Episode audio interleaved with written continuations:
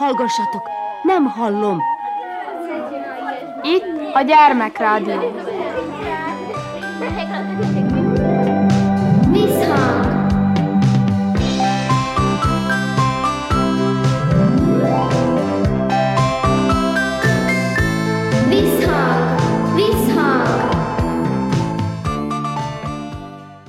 Sziasztok! Krnács Erika vagyok, szeretettel üdvözöllek benneteket.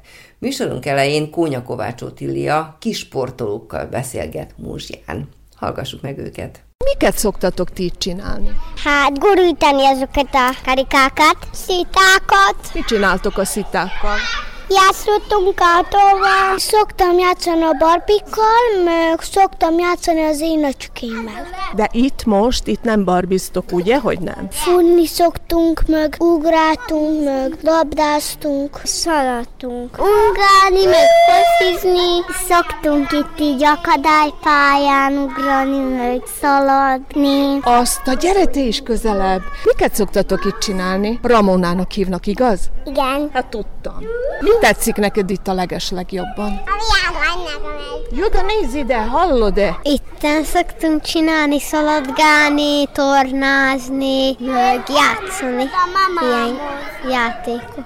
Meg így ugrálni ezeken a lépcsőkön, meg játszani labdával, meg minden szoktunk csinálni. Ugye is jó itt nektek? Igen. Melyik a legjobb itt ezekből a játékokból? Az, a, amikor félrakjuk a karikát, az mikor esik az eső, akkor ugye a fejünk tetején. Mikor nem, akkor leállítjuk. Én is. Mi tetszik neked a leges Viágonás. Tényleg, azt a kutyafáját. Ugye, de mi az a legtöbb, amit itt csináltok? Futkostok, vagy mi? Tréningözünk. De mire gyakoroltok ti itt? Mondjátok el, hogy majd focizni szeretnétek, vagy? Én kézilabdázni. Focizunk, meg játszunk, meg valami szépeket játszunk, meg labdázunk, meg a labdákat grugjuk ebbe a gólba, ha valaki győz, akkor az kap olyan nyakáncot, van ott egy pénz. Azt a érmet kap, aki győz, ugye? Hogy nem, tudom miért. De te is szeretsz így futkározni, igaz-e? Igen. Mit szeretsz még csinálni itt? Sátgányi! De itt látom, hogy vannak ilyen icipici labdák, meg vannak nagyobb labdák. Mit lehet azokkal a labdákkal csinálni? Nem tudom. Labdázni, igaz? Én nem akarok semmire így fotbalra járni kézlabdára, hanem csak így akarok csak így sportolni. Én szeretem a sportot, meg szeretök szaladni, szeretök focizni, szeretök kézilabdázni, tatámmal otthon is szoktam játszani fotbalt. Jó dolog itt lenni, ugye? Igen. Nagyszerű. És vannak itt ugye barátnők. Igen, vannak sok barátnőjeim.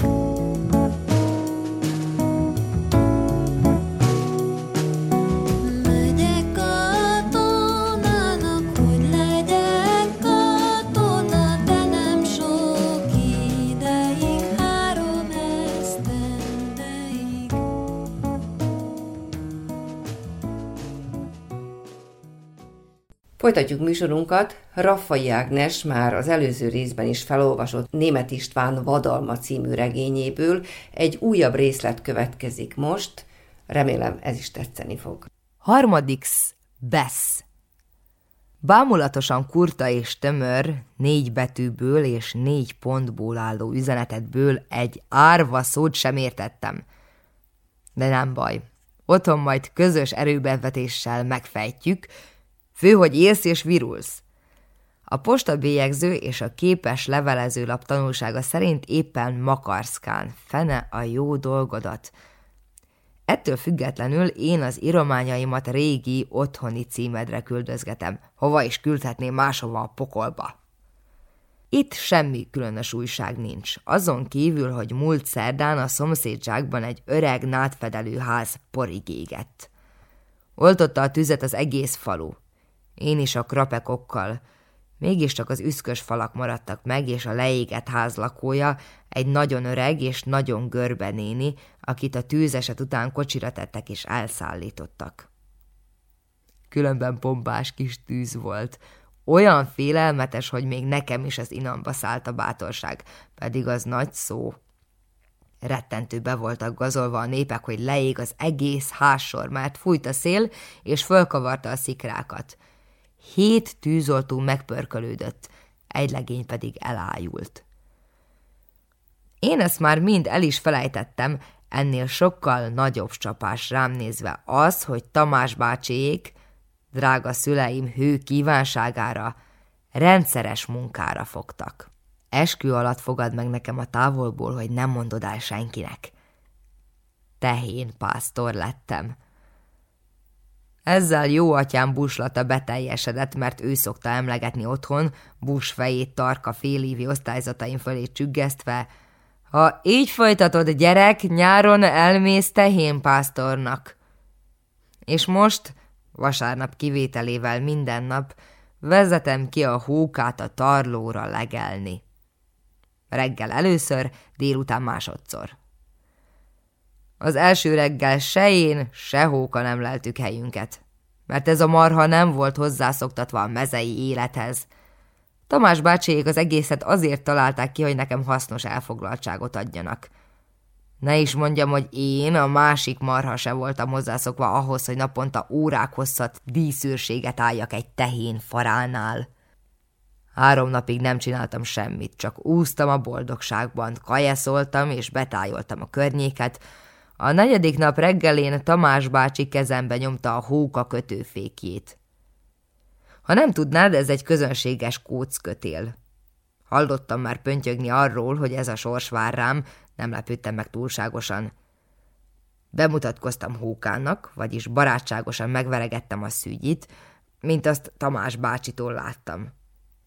A tehén bólogatott és csorgatta a nyálát. Azt a parancsot kaptam, hogy egyelőre ne menjünk messzire. Állapodjunk meg a falu alatt, és a kötőféket semmi szín alatt ne engedjem ki a kezemből. Külön a lelkemre kötötték, hogy hereföldre vagy kukoricásba ne engedjem hókát, mert ott bezabál és fölpukkad.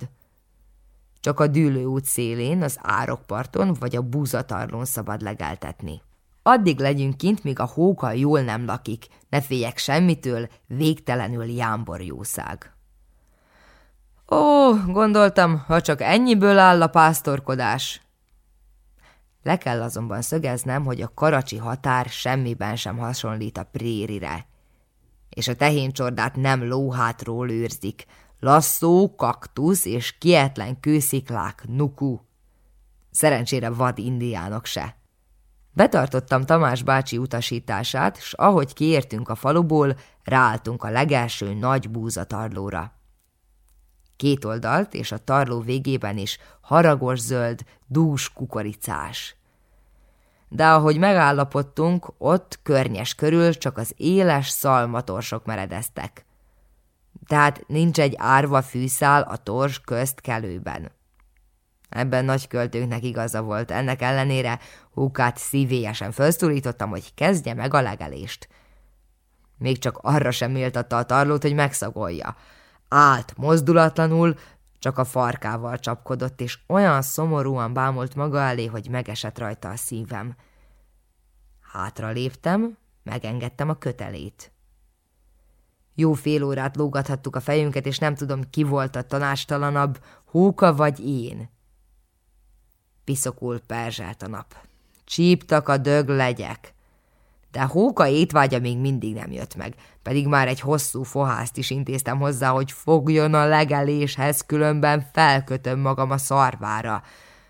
Erre akkor átbődült, hogy elfogott a félelem.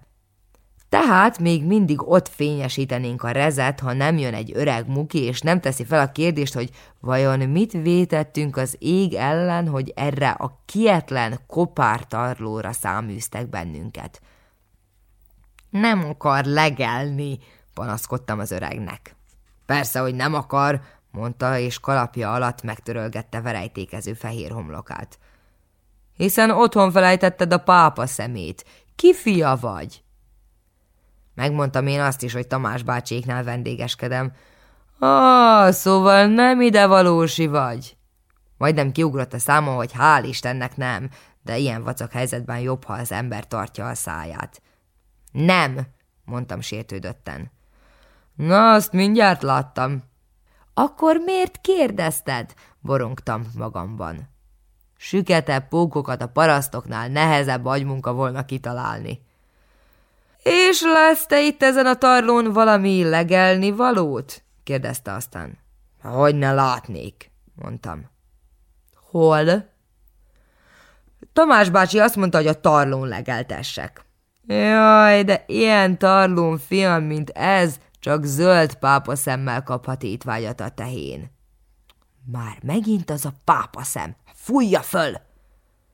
Magánál nincs véletlenül egy? kérdeztem most már alig féken tartott indulattal. Észrevett rajtam valami elváltozást, mert gyanakodva vizsgálgatni kezdett, de nem szólt semmit, hanem megfogta a kezem, és már vezetett is ki a dűlő útra.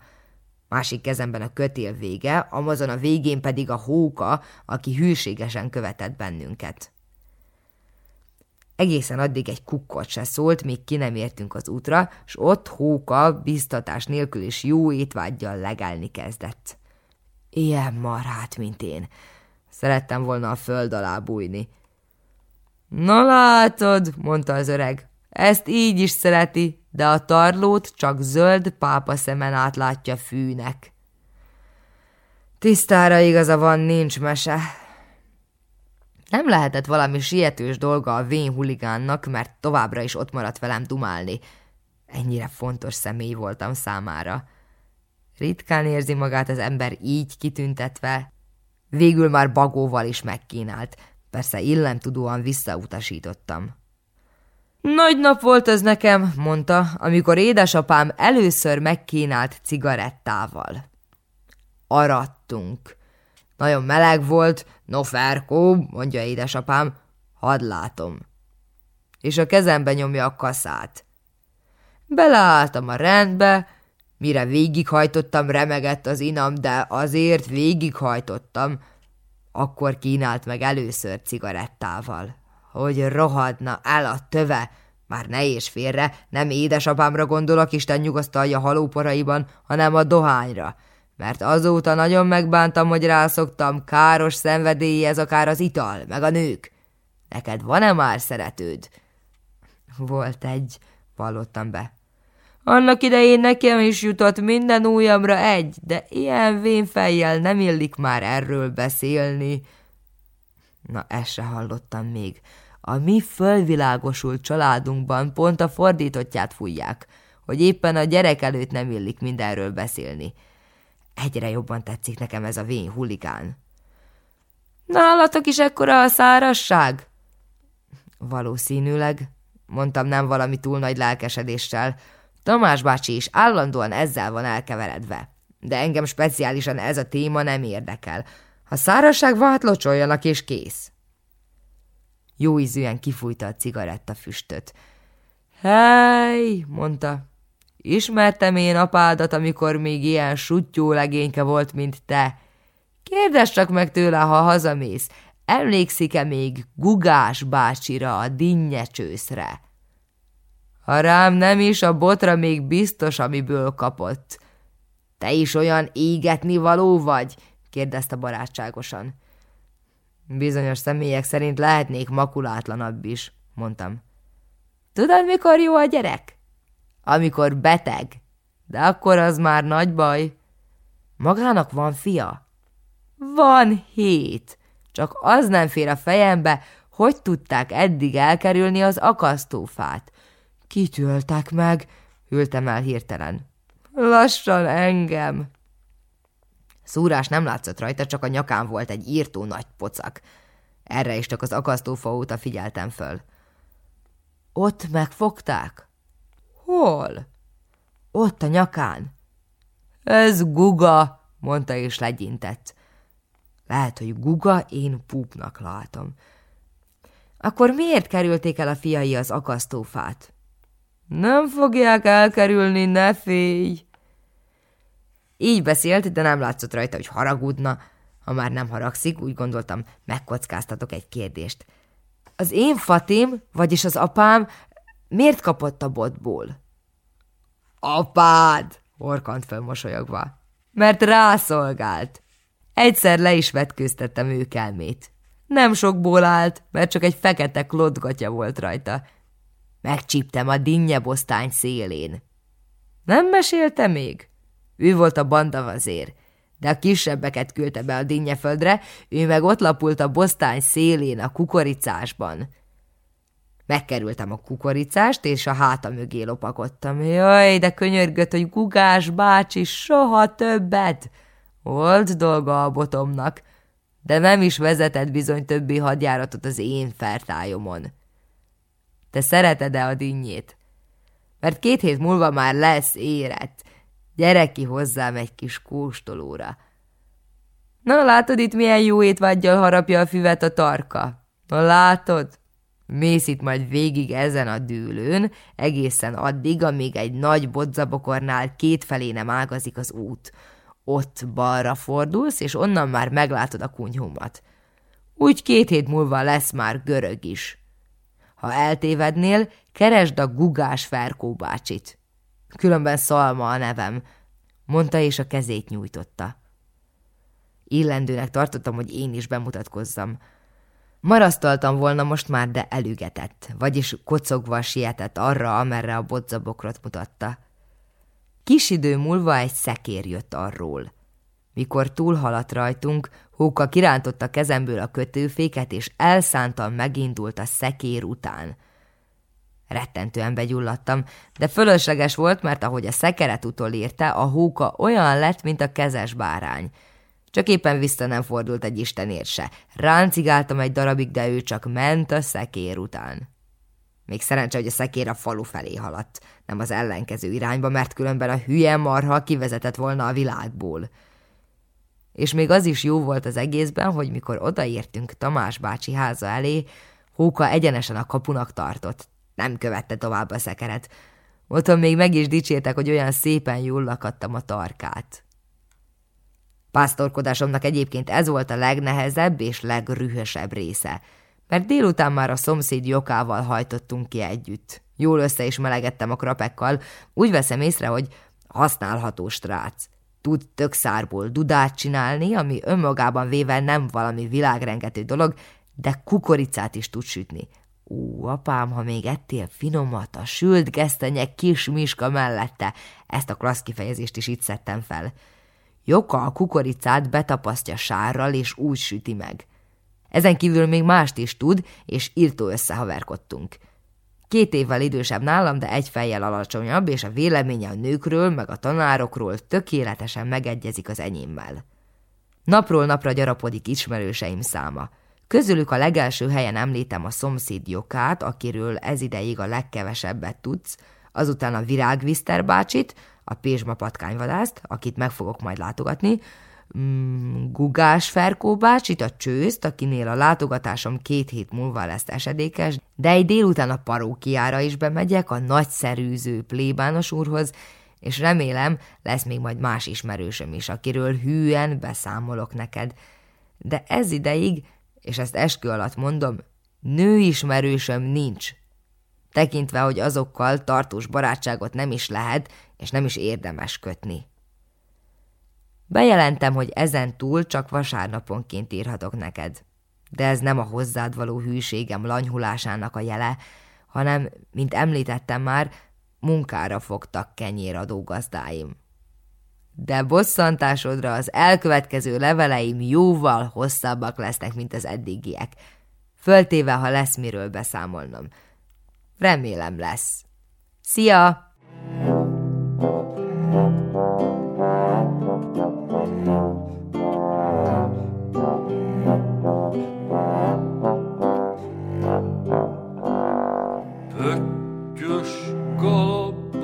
csodálhattok engem,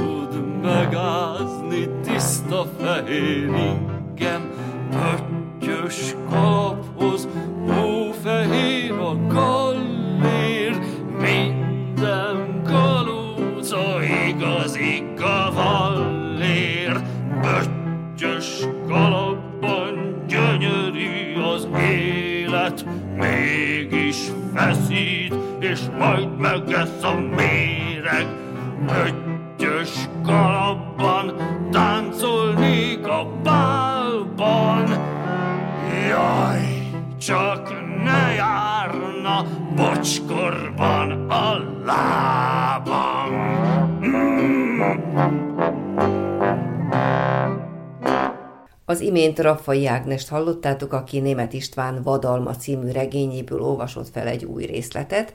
A folytatásban Karinti Frigyes Tanár úr kérem című kötetéből olvas fel Rudolf Péter, következik Magyarázom a bizonyítványom. Hát, hát kérem szépen, először is, ez még nem a végleges bizonyítvány. Ez csak a féle lenyomat, amit ideiglenesen kiosztottak nekem hogy ma van a, a fél éves bizonyítványnap? az nem jelent semmit. A többiek tényleg kikapták a bizonyítványt, de az enyémet föl kellett küldeni a minisztériumba, amivel tévedések derültek ki, amiket sürgősen orvosolni kell. Igen. Különben a bizonyítvány ellenőrző és kiegészítő konferencia foglalkozni fog az esettel tanfelügyelői középülésen. Az osztályfőnök úr mikor ideadta nekem a bizonyítványt, beszédet tartott. Kicsit zavarban volt, és tiszteltette a papát. Kérle, kedves Bauer, mondta, légy szíves közölt szüleiddel, miszerint sajnálatos tévedés történt bizonyítványoddal, hibás tételek csúsztak bele. A bélyek hatósági szabályrendelet szerint, hát sajnos így is ki kell adni a bizonyítványt, de kérnelek kell, kedves Bauer, közöld a szülővel, miszerint ez csak olyan ideiglenes okirat, aminek az adatai nem jelentenek semmit. Kérd meg kedves szüleidet, ne haragudjanak ezért a tévedésért, az igazi bizonyítványt csak hamar kiállítjuk, Egyelőre kéretem őket, hogy írják alá ezt, mert az összes iratokat átküldjük a rendőrségre, ahol a nyomozás miatt szükség van erre az aláírásra, de hangsúlyozt kérlek, hogy ez csak formaság. A főkapitány személyesen átírta fiumei tengerészeti gimnáziumba, derítenék ki, hogy került bele a bizonyítványodba a történelemből ez a, ez a, ez a szám itt, ami ugyan csak egy közösséges szám. Azt jelenti, hogy négyszer feleltem történelemből, de esetleg félreértésekre ad alkalmat. Tudnélik, Mangold a történelem tanár, az csak helyettes tanár nálunk. Még nem is osztályozhat, mert előbb Vizsgáznia kell osztályzástamból a főegyetemen. Ő csak helyettes osztályzatot adhat. Amit másképpen kell érteni. Egyes helyett kettest, kettes helyett négyest. Majd ha letette a vizsgát, akkor az összes bizonyítványokban kiigazítják az osztályzatokat igazi osztályzatokra. Most egyelőre kéreti a papát, ne tessék haragudni, egyelőre, és üzeni, hogy én négyszer feleltem történelemből. Egyszer aláhúzott kétharmadra, egyszer egyesre, egyszer háromnegyed kettesre. Tessék ezt összeadni, mértani középarányost venni, kijön a háromnegyed egyes aláhúzva. először, a, először a második Józsefből feleltem, de akkor csengettek. Másodszor kérdezte az örökösödési jogot. Mondtam, Smalkaldeni szövetség. Láttam, mikor beírta az egy-kettedet, de akkor elvesztette a noteszt. Ö, fizikából? Hát fizikából már novemberben feleltem. Kérdezte, hogy a nap körül? Mondtam, hogy ellipszis alakú pályán, melynek egyik gyújtópontjában a nap van, és ez a Newton érdeme. De akkor a mellettem ülő fiúval összetévesztett, akinek háromnegyede van fizikából, és nekem írta be véletlenül.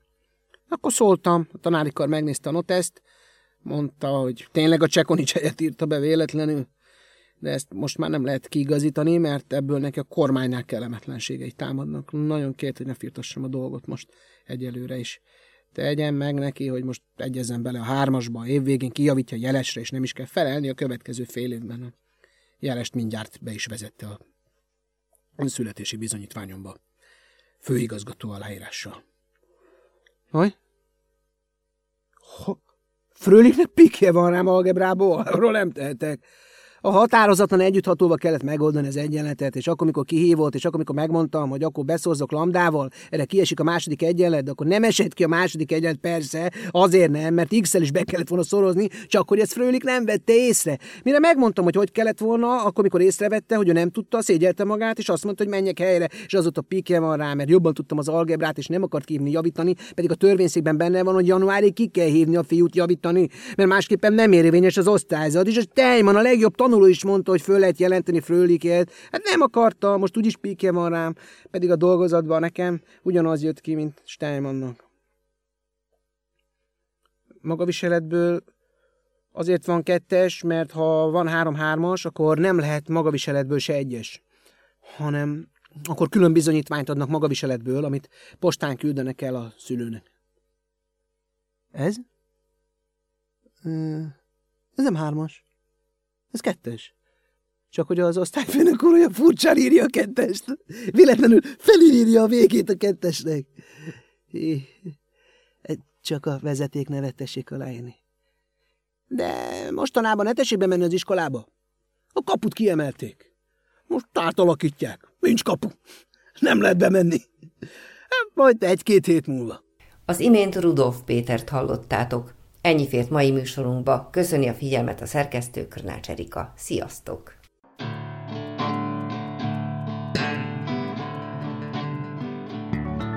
Úgy mint a förgetek, mert én vagyok a szörnyetek, a méregtől az orrom kék. Hát engem látni szörnyűség.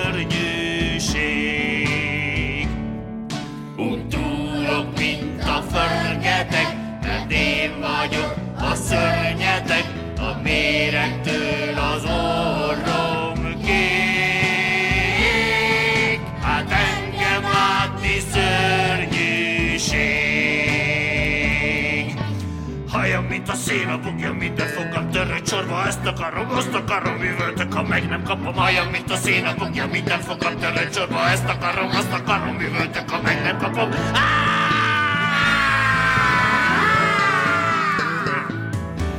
Mert én vagyok a szörnyetek